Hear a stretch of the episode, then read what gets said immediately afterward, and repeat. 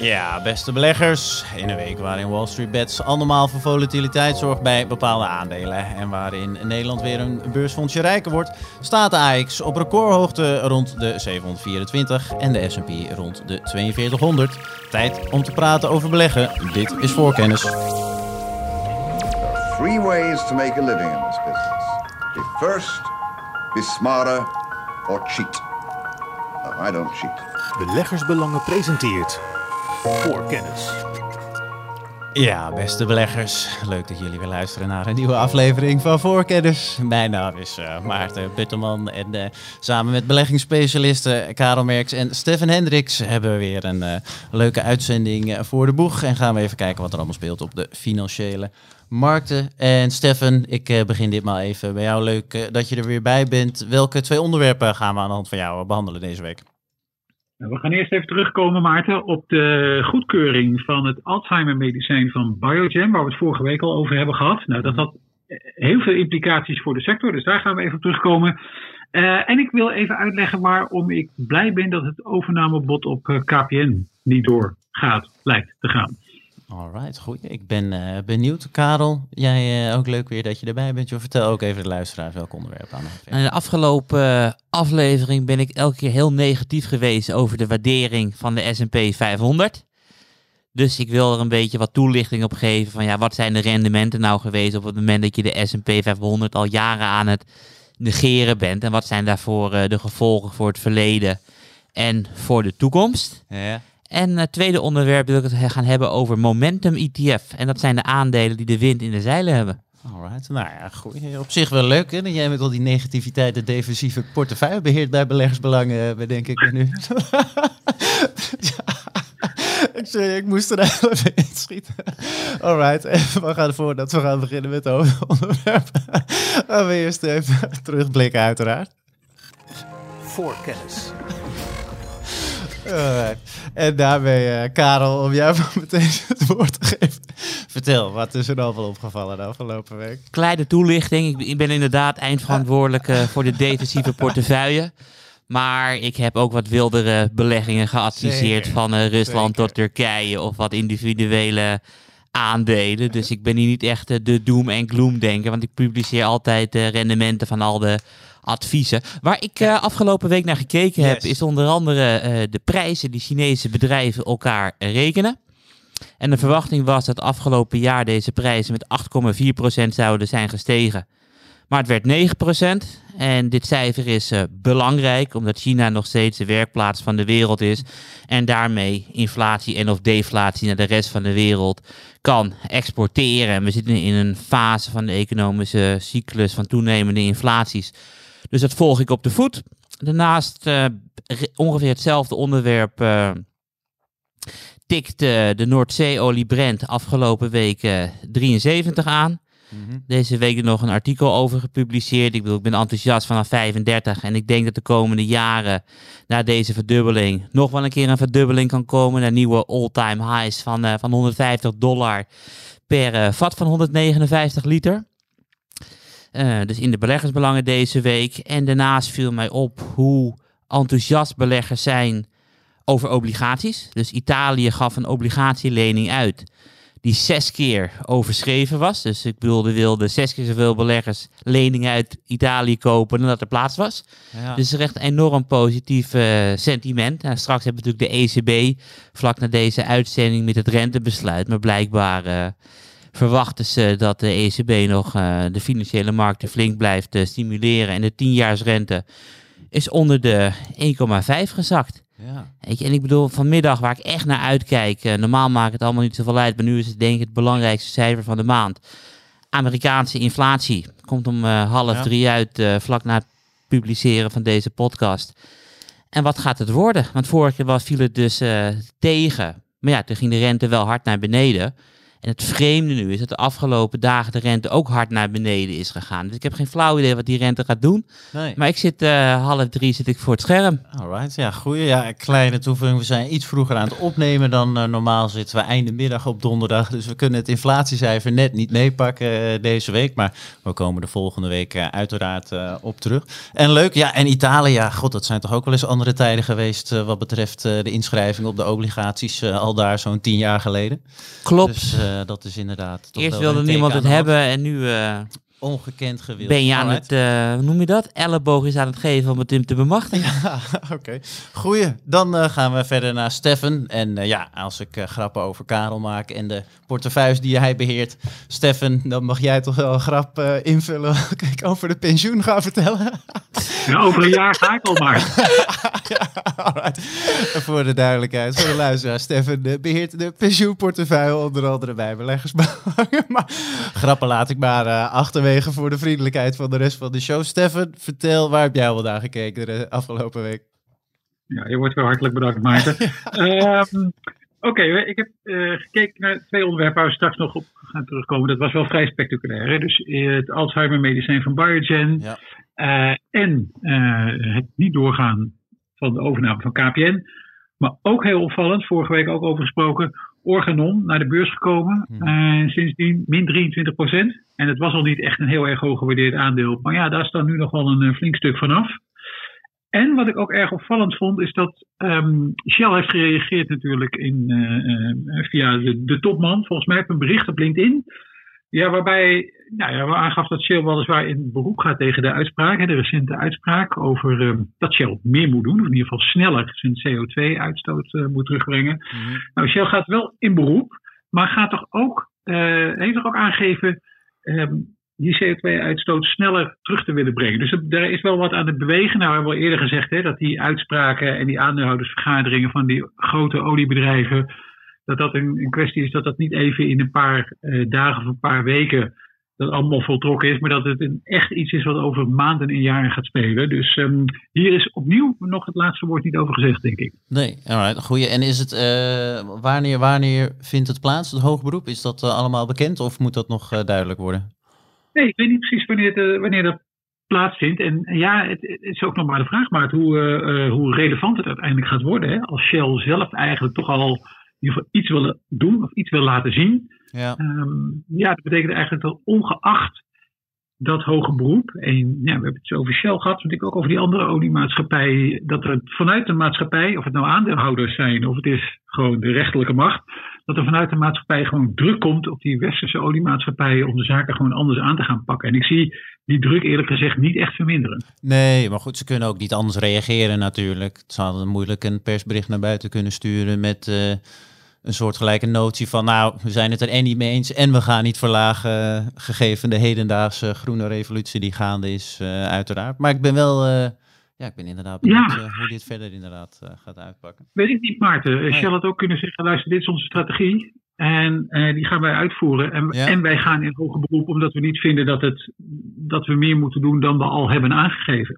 Nee, dat had ook gekund, maar hier Ja, ja. leek een kleine opening te zitten. Oké, ja, nee, oké, ja, goeie, helder. We gaan het eh, meemaken. Tijd om eh, aan de eerste onderwerpen te beginnen. Voorkennis.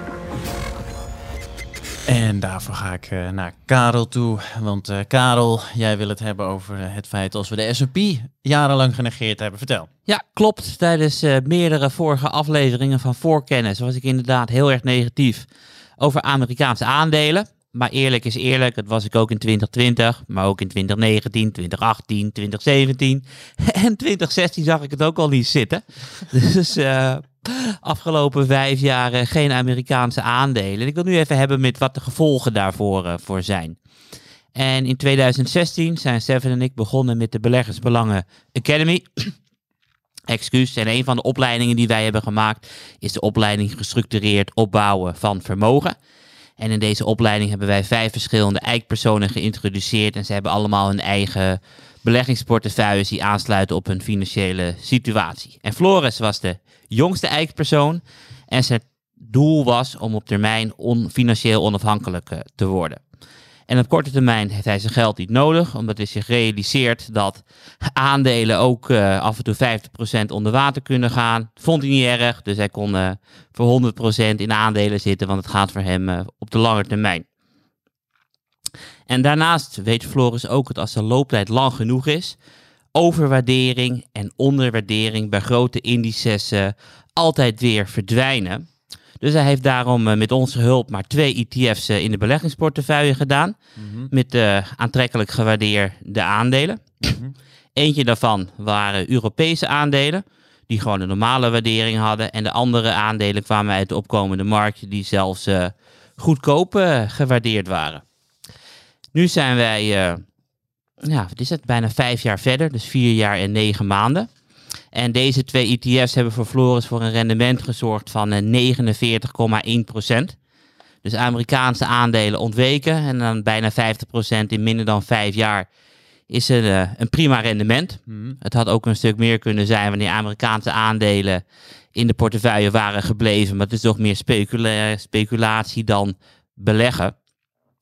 Wat hebben we dus gezien? Europa is van een normale waardering naar een ja, nog net normale waardering gegaan. Dus wel aan de bovenkant van de bandbreedte. Ja. Dus die blijven erin. Op opkomende markten waren in 2016 heel goedkoop. Nou ja, ze zijn nog steeds eh, goedkoop, dus niet meer heel goedkoop, maar goedkoop. Alleen de Verenigde Staten is wel heel erg duur geworden. En we gaan op weg naar de hoge waarderingen die eh, alleen in het jaar 2000 gezien zijn.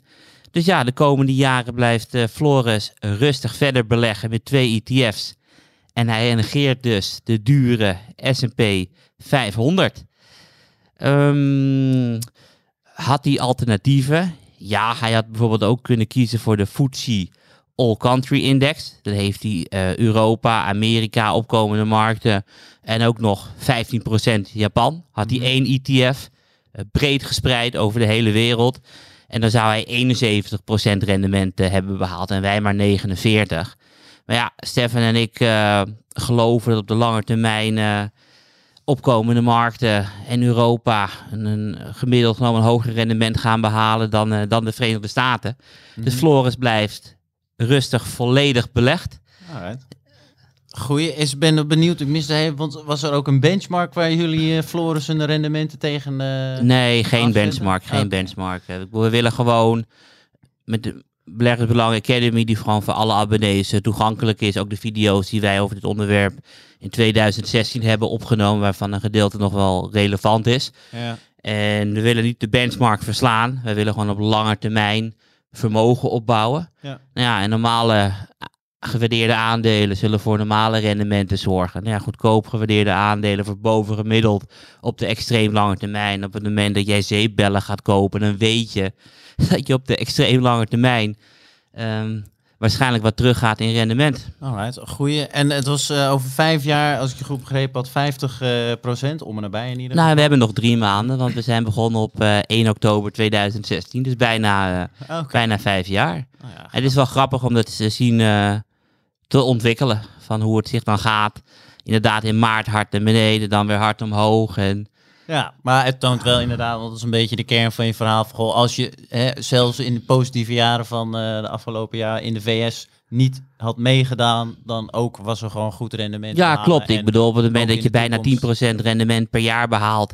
Dat is al in het licht van de geschiedenis boven eh, hoog. En als je dan kijkt naar Amerikaanse aandelen, die hebben 97,8% gedaan. Ja, Ja, dat is gewoon in vijf jaar bo, echt, Gekkenhuis, echt ja. gekke huizen. En we hebben geleerd dat gekke huizen nog veel grotere gekke huizen kunnen zijn. Omdat een gedeelte van de nieuwe beleggers denkt van oké, de spaarrente is laag. Ik ga beleggen. ja. En die koopt aandelen. Die gaat niet denken van ehm, hoe zit het met de cashflow. Nee. Nee, alright. Nou, we, gaan het, eh, we gaan het verder volgen. Ik ben ook benieuwd, Stefan, of jij nog, eh, want jij hebt je hier ook mee bemoeid dan. eh, dat is wel fijn dat jullie allebei in deze podcast zitten, zeg ik. Had jij... Heb jij dezelfde mening? nou, dezelfde mening. Jullie hebben het ongetwijfeld een beetje voorbesproken van tevoren. Maar had je, ja, achteraf natuurlijk had je dingen anders gedaan. Nee. Maar zijn er, nee, Nee. niet dingen Nee. anders gedaan? Nee, zeker niet. Ik bedoel, op het moment is dat je... overigens een vraag aan Stefan. Nee, maar die- ik wil hem beantwoorden. Ik bedoel, op het moment dat jij Russisch roulette speelt je zet een revolver tegen je kop en je bent één op de zes kans is de kans dat je dood bent. Dan ben je gewoon game over. Kijk, en, en- maar op het moment dat je Russisch roulette speelt, win je wel vijf van de zes keer. Dus je hebt een veel grotere kans om te winnen.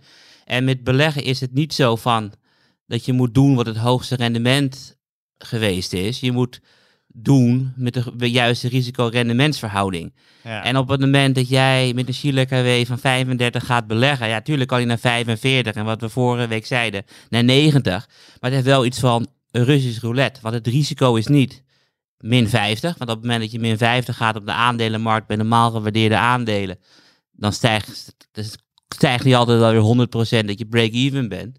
Op het moment dat jij koopt met een KW van 95 in Japan, dan heb je 40 jaar negatieve rendementen. Dus ik zou echt niet alles anders gedaan hebben. Nee. En ik wil gewoon geen overgewaardeerde aandelen in een extreem lange portefeuille. En sorry dat ik door je heen praatte, Stefan. Nee, ja, ik, ik wilde net Stefan bedanken voor zijn mooie antwoord eh, bij deze. Die zit er meteen helemaal in. Maar eh goeie. En wanneer komt er een update van eh Floris? Ik vermoed dan in oktober dat we weer jullie even aan de slag gaan met... Waarschijnlijk. Ik heb niet de bladplanning bij de hand. En soms zijn er vragen. Want we hebben ook Erik. En Erik is een, een 65-plusser die ook nog wat obligaties heeft om, om inkomen te genereren. En daar hebben we nog redelijk recent nog een update van gedaan. Omdat we belangrijk vonden van... Hey, de rente daalt, eh, de dollar daalt. Hoe zit het nou allemaal? ja. Dus op het moment dat eh, vijf jaar is natuurlijk een hele mooie datum om terug te kijken. Maar ik ben ook wel iemand die denkt van, eh, als er een beter moment is, Ja, kan je misschien zeker. beter dat, dat moment pakken. Nee, Oké. Goeie. Doen we dat? We houden het in de gaten. Oh, Stefan mag helemaal niet meer reageren. Nee, je moet, je moet niet door het geluidje heen praten natuurlijk. Hè. En eh, nou nee, ik dacht ik geef gewoon eh, voor het volgende onderwerp Stefan eh, alle tijd en ruimte om daarop in te gaan. Ik had nog een mooi bruggetje met 65-plussers, maar die laat ik maar links liggen. Want eh, Sorry Maarten, ik loop ik kom net de kamer weer in. Dus ik zo lang aan het worden, ik kan een keer wel weer terugkomen. Heb, heb ik iets gemist? Afgelopen... nee, ja hoor, we hebben een heel leuk stukje over Floris eh, gehad. En eh, het podium is nu weer voor jou, eh, want eh, jij wilt het hebben over Biogen. Ja, dat, dat is toch wat hè, wat daar allemaal gebeurde met die goedkeuring. Vertel. Nogal, nogal. Dus we hebben het vorige week al gezegd. Maar nou, ik zei, hier kijk ik wel naar uit. Dit zou nog best wel eens opvallend nieuws kunnen worden.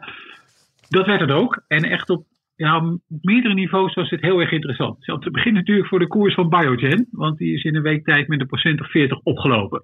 Dus ja, aandeelhouders Biogen zijn heel, heel erg blij. Maar ook Eli Lilly.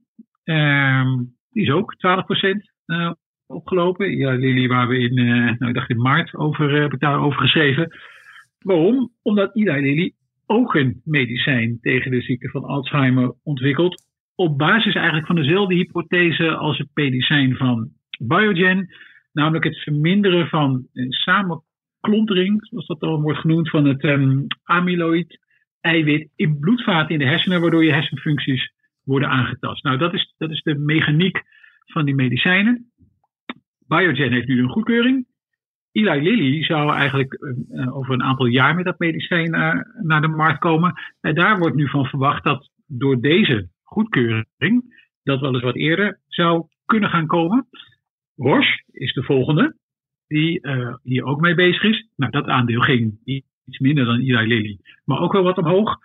Maar in de periferie daarvan zijn er ook al hele interessante eh, zaken. Want Biogen moet dat medicijn natuurlijk wel gaan produceren. Daar hebben ze daar eh, zelf productiefaciliteiten voor. Maar het is een, eh, het is een medicijn waar relatief veel antilichamen in zitten. Dus het vraagt veel productiecapaciteit. Dus de kans is groot dat Biogen daar wat van uit moet besteden. Nou, dan kom je bijvoorbeeld terecht bij het Zwitserse Lonza. Fantastisch aandeel, echt prachtig bedrijf. Helaas tegen een heel hoge waardering. Tikte ook een nieuwe all-time high aan. Dat Het verwacht, nou ja, misschien gaan die daar ook wel wat van meepakken. Dus je ziet dat het in die hele sector hè, heeft, dat, heeft dat, dat ene bericht ontzettend veel invloed. Niet alleen op Biogen, maar ook op de bedrijven die daar omheen zitten. Nou, tot zover het goede nieuws hè, voor de sector als geheel. Ja. Ehm, iets minder positief, eh, dat was de prijs. Ehm, het, het is inmiddels al per infuus wordt toegediend. Biogen heeft gezegd dat gaat dan om de vier weken. Het kost ongeveer 4300 dollar per vier weken. Kom je ongeveer op 56.000 dollar per jaar. Nou, dat is om te beginnen al veel meer dan verwacht. En het is ook een heel klein beetje omstreden, omdat de effectiviteit van dit nieuwe medicijn nog niet helemaal duidelijk is. Dus, dus dat, die, dat die, die samenklontering, die plak in die hersenen, dat dat wel iets te maken heeft met, eh, met het ontstaan van Alzheimer en, en het vorderen daarvan. En daarmee dus ook op je cognitieve functies. Dat is ergens wel duidelijk, maar hoe het precies werkt, is dat nog niet helemaal duidelijk. Binnen de FDA, dus de Amerikaanse toezichthouder die de goedkeuring uiteindelijk heeft verleend, was dit ook al omstreden. En nu komt Biogen dan ook nog eens een keertje met een prijs die echt veel hoger is dan iedereen had verwacht.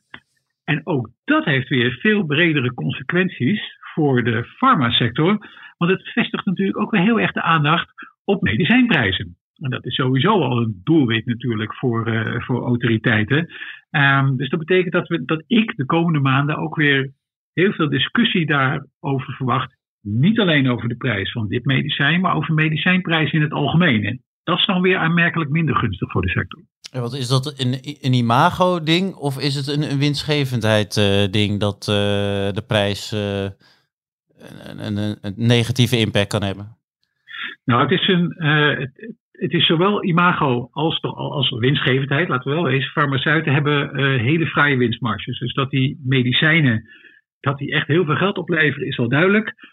Biogen zegt, ja, we zijn al vanaf, eh, wat is het, geloof ik, 2003 bezig met eh, eh, onderzoek naar dit medicijn. Heeft ons miljarden dollars gekost. Ja, nou met andere woorden, daar, daar moeten we dan ook iets van terugverdienen.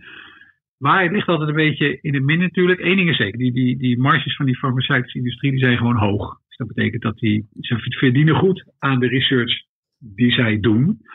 Ehm, tegelijkertijd is het ook zo dat de prijs die wordt gerekend niet altijd de prijs is die iedereen betaalt. Met name in Amerika is dat, is dat nog best wel complex, want er zitten er ook allemaal instanties tussen die medicijnen inkopen namens hele grote groepen patiënten. Die krijgen dan weer korting. De vraag is waar komt die korting dan terecht? Komt die terecht bij de patiënt of komt die terecht bij die organisatie die die medicijnen inkoopt? Daarbij is de farmaceutische industrie natuurlijk graag op. Hè? Dus het is best een ingewikkeld debat, maar die, maar die prijzen zijn natuurlijk vrij zichtbaar. Uh, en dat is daarmee ook meteen iets waar, als je kijkt naar de totale kosten van de gezondheidszorg, dan is dit iets wat je goed in kaart kan brengen. En zo'n bericht, als dat van Biogen, ja, nogmaals vestigt opnieuw heel erg de aandacht op de prijzen van dit soort medicijnen. En als die prijs al hoger is dan heel veel analisten hadden verwacht, ah, dan mag je er wel van uitgaan dat die prijs ook gewoon echt hoog is. Ja, oké. Okay. Goeie, maar en desondanks het aandeel ja, knalde echt gewoon omhoog. Ik bedoel, jij maakt nou, zelden tot nooit mee eigenlijk dat een aandeel van zo'n uh, groot en zo'n market cap met zoveel procent uh, de lucht in stijgt. Dus al met al toch wel een hele positieve ontvangst van excuus van het nieuws. Ja, zeker. Vooral ook omdat ze natuurlijk voorlopig even de enige zijn met dit middel op de markt. Oké. Okay. Dat zegt Eli Lilly komt daarna, Roche komt daarna weer. Roche krijgt testresultaten in de tweede helft van volgend jaar. Uh, Lilly heeft al net testresultaten gepubliceerd. Dat was in maart. En die waren ook een beetje zo-zo. Geeft ook een beetje aan dat die, dat die, die hele werking van, van dit type medicijn. Ik vind het zelf ook nog wel wat uh, onduidelijk. Uh, maar goed, voorlopig heeft Biogen even het, het rijk alleen.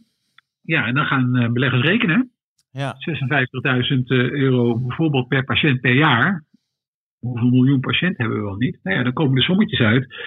En dan gaat de markt rekenen en dan krijg je dit soort koersbewegingen. Ja, ja, dat zijn toch wel mensen die dan heel snel rekenen. Ik neem aan dat, uh, nou meer, want het eh, dat nieuws valt en dat, dat aandeel het spijt meteen omhoog. Dus de analisten die hebben waarschijnlijk van tevoren al van uh, alle mogelijke prijzen en nieuws uh, verdisconteerd. Er zijn ook heel veel bots, uh, Maarten. Ja, oké. Okay, ja, en ik bedoel, vanmiddag heb je dus dat inflatiecijfer. Ja. Dat komt dan uit om half drie. Maar er zijn al programma's die hebben dan al geprogrammeerd om, om één milliseconde na half drie uh, te reageren ja. daarop. Ja, okay. Gebeurt er dit, voer dan dat uit. Weet je, je hebt ook trainingsprogramma van ja, op het moment dat het, weet ik wel, de verwachte omzet is X, koop dan meteen als een gek. En dan heb je ook nog de, de algoritmes van ja, als iets stijgt, maakt niet uit waarom het stijgt, moet je het gewoon kopen. En, en rekenen gebeurt dan misschien het... Uh, de dag daarna. Bij wijze ja, ja klopt, uh, klopt. Ja, maar Maarten, ja, vertel. Ja, je moet ook niet vergeten dat, um, wat ik al zei, die, die beslissing binnen de FDA, hè, de Amerikaanse toezichthouder zelf, die was denk ik ook best omstreden. Er was eerder nog eigenlijk een soort negatieve uh, uitspraak geweest van een adviescommissie binnen die FDA. Dus het was ook niet eh, om hem even heel populair te zeggen, een appeltje-eitje dat die goedkeuring er zou komen. Ah. Daarom, want anders had natuurlijk het aandeel Biogen in Ja. de aanloop ook, was ook al veel hoger geweest. Dus het was echt zo'n. Het was niet alleen dat die goedkeuring kwam, die goedkeuring kwam eigenlijk, eigenlijk gewoon vrij ruim. Dan is de eh, prijs die Biogen bekend maakt ook nog eens een keertje heel erg hoog. Dan ga je, zoals ik al zei, eh, rekenen hoeveel miljoen patiënten zou Biogen kunnen bereiken. Wat is de productiecapaciteit? Wat is de prijs? Wat is de marge? Ja, en dan wordt het aandeel eh, opnieuw geprijsd. En het is ook niet zo dat dat aandeel na dat eerste eh, bericht vervolgens helemaal is afgestort. Hè? Weer, eh, dat zie je soms ook wel eens, dat er een ongelooflijk hevige positieve of negatieve reactie is, waarna dat, dat gat weer een beetje wordt gedicht. Mhm. Nee, Biogen ligt gewoon nog heel hoog. Dus voordat, voordat die goedkeuring bekend werd, zaten dacht ik, zo rond de 286 dollar. Zitten nu op bijna 407. Ja. Ja, pittig. Ja, het was, eh, ik was aardig verrast in ieder geval. Ik, je had het keurig netjes eh, uiteraard verteld vorige keer in eh, voorkennis. Dus jij zat klaar, Maarten. En, eh, ik, nou, ik zat klaar. Ik zag het nieuws voorbij komen. Ik dacht, goh, 40%. Daar hadden we allemaal geen rekening mee gehouden, volgens mij. Nee, en het duurde ook heel lang voordat het aandeel open was. Want ik zat Ja. namelijk zelf al de hele tijd te kijken. Ik had het bericht gezien, dus ik had mijn apps al open. Wanneer komt de koers? Maar er stond de hele tijd trading halted. Hè? Dus er Ja. de- het aandeel ging nog niet open. En toen knalde die omhoog. Volgens mij eerst tijdelijk ook nog eh, boven de 50% zelfs omhoog. Dus nou ja, dat, dat geeft wel aan dat die, dat, ja, dat die beslissing, niet, dat het niet zo was. Iedereen dacht van nou, dat, dat gaat er wel van komen. Ja, Maar dit is wel leuk, Maarten, ook bij nieuwe beursintroductie. Als je op Bloomberg zet, BQ, dan kan je dus het boek zien. En op het moment dat bij Biogen niemand wil... Het orderboek bedoel je Ja, het, boek, orderboek. Dan zie je dus ja, dat niemand wil verkopen. Dus dan zie je elke keer van dat beleggers steeds hogere prijzen willen kopen. Ja. En dan gaat het hoger en hoger, totdat de eerste verkoper met zijn ogen blinkt van... hé, hey, deze koers wil ik. ja, er, is geen, eh, er was geen aanbod eh, tot dat. Nee, klopt. Dat Oké, zie je ook bij nieuwe beursintroducties. Dat je ook af en toe gewoon twee, drie uur wachten. Ja, die waren, de, de, de aandeelhouders die waren nog aan het rekenen als ik eh Stefan zo... eh, de rekensom was nog niet afgemaakt. Alright. Goeie. Maar goed, er zit eh, lekker wat eh, momentum in ieder geval weer eh, in de sector. Dus eh, dat eh, is altijd eh, mooi meegenomen. Voorkennis. En over momentum eh, gesproken, dat is eh, meteen een onderwerp eh, van Karel. Die wil het graag hebben over de momentum eh, ETF. Klopt. Vertel. Zo, jij loopt te hoesten, ik loop te hoesten. Het, eh, Liggen wij eh, volgende week down met de corona? God, Ik ben jongens. zo blij dat ik hier zit. Ja, Ja, dat snap ik wel, Als er eh. geen podcast is volgende week, dan eh, weten We de kunnen altijd zeggen van dat we ook altijd wel besmet waren dat we elkaar niet hebben aangestoken. Nee, een factor is een manier om, om rendement te verklaren. Dus momentum is een factor. En andere belangrijke factors zijn small cap, low volatility, dividend, et cetera. Mhm. Maar vandaag gaan we het dus hebben over momentum. En momentum, dat zijn de aandelen die de wind in de rug hebben en de afgelopen zes maanden meer zijn gestegen dan eh, de bijbehorende index. En die strategie is echt heel groot. Dus in, alleen al in de Verenigde Staten wordt de S&P 500 of de 1000 eh, large caps van de Russell momentum strategie voor vele tientallen miljarden aan dollars gevolgd. Dus het is wel een belangrijke groep eh, om in de gaten te houden. En waarom is deze groep zo groot? Dus omdat sinds 1990, dan hebben we het over 30 jaar, dan heeft de MCI USA Momentum Index een rendement gegeven van 6560 procent. En de S&P zit op 2300 eh, procent. Dus de momentumstrategie doet echt een, een heel stuk beter. Een belangrijke oorzaak daarvan eh, is ontstaan of gekomen rond de eeuwwisseling. Want de laatste jaren eh, van de eeuwwisseling eh, zat de Momentum ETF vooral in de tech-aandelen. Dus die ging lekker omhoog. Ja. En toen eh, barstte in de eerste helft van eh 2000 eh, de internetzeepbel uit elkaar. Mhm. En toen ging er een massale switch was er naar waardeaandelen, et cetera. En toen had je jarenlang een stijging van de waardeaandelen. En daar is die voorsprong ontstaan. Het was in 2000 de grootste sectorrotatie tot nu toe. Alleen eh, bij de afgelopen herwegingen in de eerste week van juni hebben we een nieuw record sectorrotatie in de Momentum ETF. En eh, let op eh, Maarten, de financials zijn van 1,6% naar 33% weging gegaan. Echt een enorme shift. Ja. Technologie was vorige maand nog goed voor 40% van de momentumstrategieën. Nu is het 17. We hebben een aantal top 10 holdings eh, van vroeger. Eh, Microsoft, Apple, Adobe, Nvidia. Die zijn allemaal niet alleen de top 10 uitgevallen bij deze Momentum ETF. Maar zijn ook eh, de top 128 uitgevallen, dus die komen niet eens meer voor. Dus de grootste wegingen zijn allemaal uit. Amazon is eruit, Nike is eruit. En wat voor bedrijven zitten er dan in? Nou ja, Berkshire Hathaway, een weging van eh, bijna 5%. Walt Disney, 4,5%. En er is één Nederlands bedrijf eh, gekomen in de Amerikaanse Momentum Index. Het is de NV van NXP. Oh ja. Dus eh, een afsplitsing van Philips, ook wel bekend het Tencent van Eindhoven. Ehm, en ja, Ja, ik was benieuwd hoeveel, hoeveel aandelen zitten er in deze 128. 128. oké. 128. eh, en al die eh, tech is er dus uit. Nou ja, van Ja. 40% naar 17. Ja. Maar ja, Apple zit al in een beermarkt, want die is 20% gedaald, is nooit meer hersteld. Nee. En die andere aandelen gaan allemaal eh, zijwaarts. En dit laat meteen zien van hoe moeilijk het is om als fondsmanager de S&P 500 te verslaan. Ja. En als je dan kijkt op de website van de S&P, doet ruim 90% verslaat de index niet. Want wat moest je de afgelopen jaren nou doen? Nou ja, je had Facebook, Apple, Netflix en Google moeten hebben. En niet net zoveel als de index, meer als de index. Nou, dat durfde niemand aan. En dan presteer je automatisch slechter. Weet je, en nu gaan financials door het dak. Nou ja, durf je nu nog overwogen financials te zijn? eh, dat is moeilijk. Ja, dat is zeker moeilijk. En, de- en deze ETF die pakt dan om de zes maanden, zegt hij, wordt het herberekend, die Ja, en dan gewoon eh, wie stijgt er meer dan de index en wie stijgt er minder dan de index. En dan wordt het gewoon automatisch alle aanbod Ja, de top doorgevoerd en, eh, 128 eh, komt daarin. ja, oké, grappig. En eh geeft ook wel flinke verkopen. Ja, financials dus één. Ja, het is wel grappig dat wij ook enthousiast zijn over financials. Want we hebben een aantal weken geleden natuurlijk de financial special gehad. Met eh, onze collega Michiel, eh, die ook enthousiast is over een aantal financials. Dus luister die terug, want volgens mij hebben we dingen besproken die eh, nog steeds relevant zijn voor de financials waar beleggersbelangen enthousiast over is. En ik heb ook een vraag om, om na te denken voor de luisteraar. Van ja, misschien is het interessant om een momentumstrategie in de portefeuille op te nemen.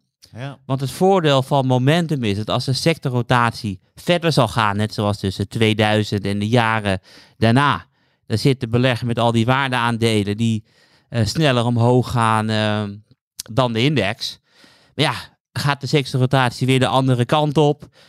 Zijn er geen eh, belastingverhogingen voor techbedrijven? Komt er geen inflatie? Eh, daalt de rente weer en wordt technologie weer helemaal hot? Ja, dan switchen we gewoon weer.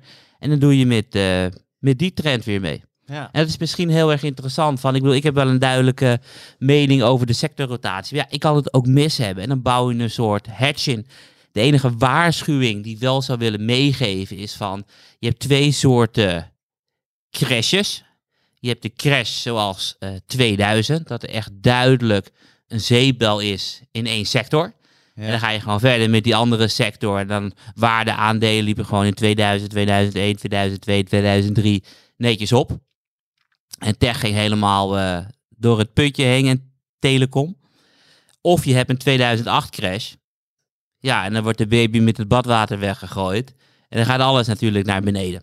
Ja. Dus de vraag is een beetje van, ja, wat is de volgende crash? Ja. Ik bedoel, is, ik bedoel, we hebben de grootste sectorrotatie sinds 2000. Of ik zeg het verkeerd, we hebben de grootste sectorrotatie aller tijden. Ja, het neigt wel weer naar 2000. En met een beetje inflatie en stijgende rentes kunnen waardeaandelen het echt heel goed gaan doen. Ja. Maar ja, ik wil wel op 2008 wijzen. Dat is natuurlijk ook een eh, scenario. Ja, we weten het eh, uiteraard niet. Alright. Goed, jij, Stefan, eh, doe jij iets met momentum in jouw beleggingsoverwegingen? Nee, behalve dan eh, dat de markt, dat dit me allemaal wel opvalt, wat Karel eh, zegt, doe ik er niks mee. Ik vind het ook best wel lastig, want die herweging vindt dus om de zes maanden plaats. En sommige van die bewegingen zijn heel snel en heel hevig. Dus je zou kunnen denken, oké, je gaat nu je financials weging in die ETF kennelijk met, wat is het, 32 procentpunt verhogen. Ja, was dat, dan is dat nog een goed idee de komende zes, acht, tien maanden? Wat voor veronderstellingen heb je dan wel niet. Dus dat, eh, dat vind ik wel het lastige aan momentum. En helemaal in markten die een beetje de trend verliezen, wat je ook al die gewoon voortkabbelen, ja, daar, daar doet het dan niet zoveel natuurlijk. Dus het is, een, het is wel een factor overigens dat momentum dat echt, uh, die, die is er al jaren en die is eigenlijk ook altijd wel bevestigd door allerlei type onderzoek. Dat is, Ja. vind ik wel een van de opvallende zaken ervan, waar natuurlijk waarde, eh, hè, dat was dat ook altijd, hè, dus goedkope aandelen moeten het over de lange termijn dat het goed doen, maar die termijn dat ze het eh, goed zouden moeten doen, of weer beter zouden moeten gaan presteren, die werd eigenlijk steeds langer, omdat ze natuurlijk helemaal overschaduwd werden door het andere type aandeel. Momentum is volgens mij altijd wel, ehm eh, Karel is er wel wat dieper in gedoken denk ik, maar momentum is altijd wel zo'n zo'n verklarende rendementsfactor geweest die, eh, die altijd wel heeft stand gehouden, Karel. Ja, klopt. Het is de eerste die in eh, de financial journals terecht zijn gekomen. En op het moment dat je op eh, ja, hetzelfde werkt het in Nature en andere tijdschriften. Op het moment dat jij hoogleraar bent en je publiceert een onderzoek en je hebt allemaal peer reviews en het wordt gepubliceerd, dan is het ja, volgens de wetenschap bewezen. En Momentum is echt de eerste strategie die volgens de wetenschap bewezen is door al die publicaties in die financial journals dat het werkt. En dat is natuurlijk het lastige van ja, wil je de markt gaan timen? Ik bedoel, nu in één keer 33, pro- van 1 naar 33 procent in financials. In één keer van 0 naar 3 procent olie. Wil je dat nu? Ja, ja of nee. Maar met zoveel dingen, ik hou ook een heel bestand bij met alle onderwerpen die wij besproken hebben in deze podcast. Mhm. En we gaan gewoon, eh, ja, misschien over twee jaar weer een keer terugkijken. Maar ja, zeker. Dat je denkt Nou ja, van over zes 33, maanden lijkt me zo, 33 procent in financials. Ja. Het was gewoon een no-brainer, weet je. Nee, ja, Of- Bij de volgende herweging ja, bij moeten de we weer volgende herweging. Maar is de herweging net geweest? of Net geweest. eh, Ja, ja, kijk ik doe wel actuele onderwerpen, hè Maarten? Ja, heel goed. Niet dat ik nu over de herweging van januari Ja, ik wou net zeggen, ja, 2021 vijf praat. maanden geleden was de laatste. nee, maar dat is Nee, hartstikke leuk. ik zet hem gewoon in mijn eh, agenda. We hebben een eh, planning en dan eh heel goed. Over een half jaar komen we er weer op terug. Ik vind het ook wel leuk dat we de luisteraars een opdracht meegeven. Zoals jij net deed. Dus daar gaan we ook iets mee doen. En dat gezegd hebbende zeg ik ook nog even tegen de luisteraars van... Goh, ben je nou een fan van deze show? Laat het dan ook even aan anderen weten door bijvoorbeeld een review achter te laten in eh, jouw favoriete podcast, eh, luisteraar. Ik heb nog één vraagje voor dit onderwerp. En daarna moeten we verder in verband met eh, de studiotijd die we hebben. Maar is er dan ook niet, gegeven Steffense kritiek, een drie maands momentum ETF? Waarom zou op een termijn van drie maanden het wel aantrekkelijk zijn om in één keer drie... De, de, Nou, Steffens gaf net aan... nee, maar de reden is zes eh, maanden, omdat zes maanden de, de onderzoeken uitwijzen dat, nee, ja, dat het dan, eh, werkt. en het werkt een beetje zoals het weer. Ja, Dus op het moment dat het eh 30 graden is, hoe groot is de kans dat het morgen 10 graden vriest? Nou, waarschijnlijk klein. Misschien wel uitgesloten zelfs. hangt er vanaf. Als En als je in dan- de woestijn bent, dan... eh, Dat, dat dan wel, maar we hebben het over Nederland. Nee, hè. ja, en als het in Nederland eh, min 10 is, hoe groot is de kans dat dag 30 graden is? ja. Oftewel, zaken die slepen echt maanden voort. Dus je hebt een hele, hele cyclus. En je wil die cyclus laten lopen. En pas afremmen Nee, na ja, zes kijk, maanden. Want als je na drie maanden doet, ga je veel kijk, te veel het- herwegen. als het antwoord inderdaad is van, joh, er is getest, zes maanden is het beste, dan eh, kan ik daar prima mee leven. Ik vertrouw dan eh, op, het, eh, op het wetenschap. Ik zal voor de luisteraars overigens, Ivan Snuurder heeft nog een heel goed en nuttig artikel voor beleggsbelangen geschreven over momentum dat me bijstaat. En die plaats ik heel even in de, de show notes. En eh, dat gezegd hebben, eh, is het tijd om Zet hem dan wel even eh, open voor niet-abonnees. Want op het moment dat niet-abonnees zien wat voor leuke content publiceren, dan kunnen we misschien nog een, een abonnementje erbij pakken. Educatieve content staat veelal voor de paywall, zoals dat heet. Dus eh, ook deze zal ik... Die strategie van jou, Maarten, Ja, Zo sluw. Oké, tijd om verder te gaan. Voorkennis. Ja, en weet dan meteen, beste luisteraars, dat je voor de adviezen lekker mag betalen. Alright. Hey, ehm, eh, we gaan het eh, hebben over eh, nou, een recent advies, wil ik nog niet zeggen, maar wel een recente aankoop van een van de portefeuilles van beleggersbelangen. Ehm, namelijk KPN, dat recent in de hoogdividendportefeuille is opgenomen. En Stefan is er blij mee dat de overname daar niet doorgaat. Stefan, vertel.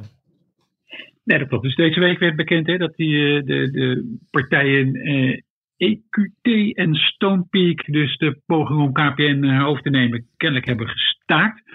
Nou, zie je dan, de eerste koersreactie, want het aandeel was eh, ruim 4% in de min. Maar toch ben ik er blij mee, eerlijk gezegd. Want zoals je al zei, Maarten, we hebben dat aandeel natuurlijk aangekocht voor de hoogdividendportefeuille.